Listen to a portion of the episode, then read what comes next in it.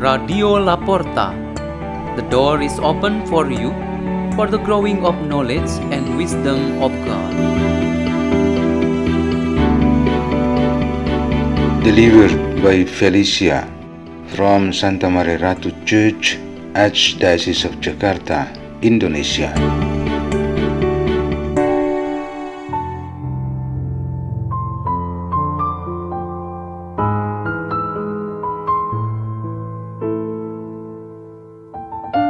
Reading and meditation on the Word of God on Saturday, on the 15th week in Ordinary Time, July 16th, 2022.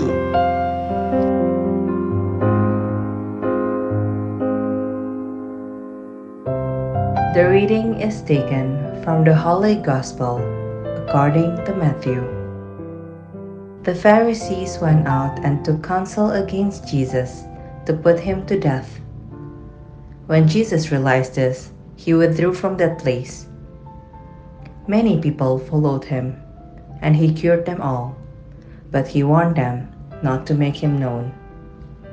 This was to fulfill what had been spoken through Isaiah the prophet. Behold, my servant, whom I have chosen, my beloved, in whom I delight. I shall place my spirit upon him and he will proclaim justice to the Gentiles. He will not contend or cry out, nor will anyone hear his voice in the streets. A bruised reed he will not break, a smoldering wick he will not quench, until he bring justice to victory. And in his name the Gentiles will hope. The Gospel of the Lord.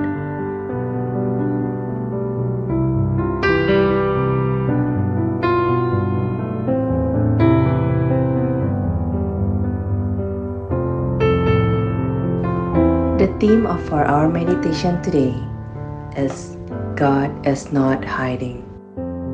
The school year for schools up to secondary level has just started this week.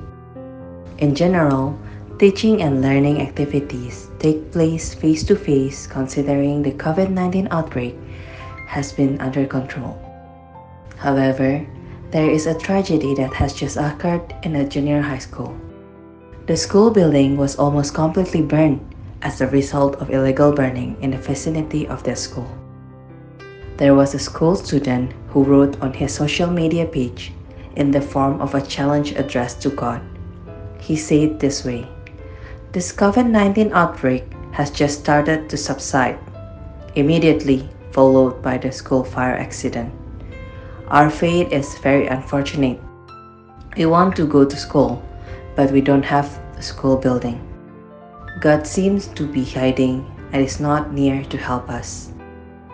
The expression of the student's sentiment should be a representation of the feeling of difficulty, worry, lack of passion, and pessimism of many people in this world. These feelings are natural for us humans, and there is nothing wrong with complaining or urging God to help us. The events recounted in the Gospels about Jesus calming the hurricane and violent waves that nearly destroy his disciples clearly give us confidence that God is not silent or in hiding.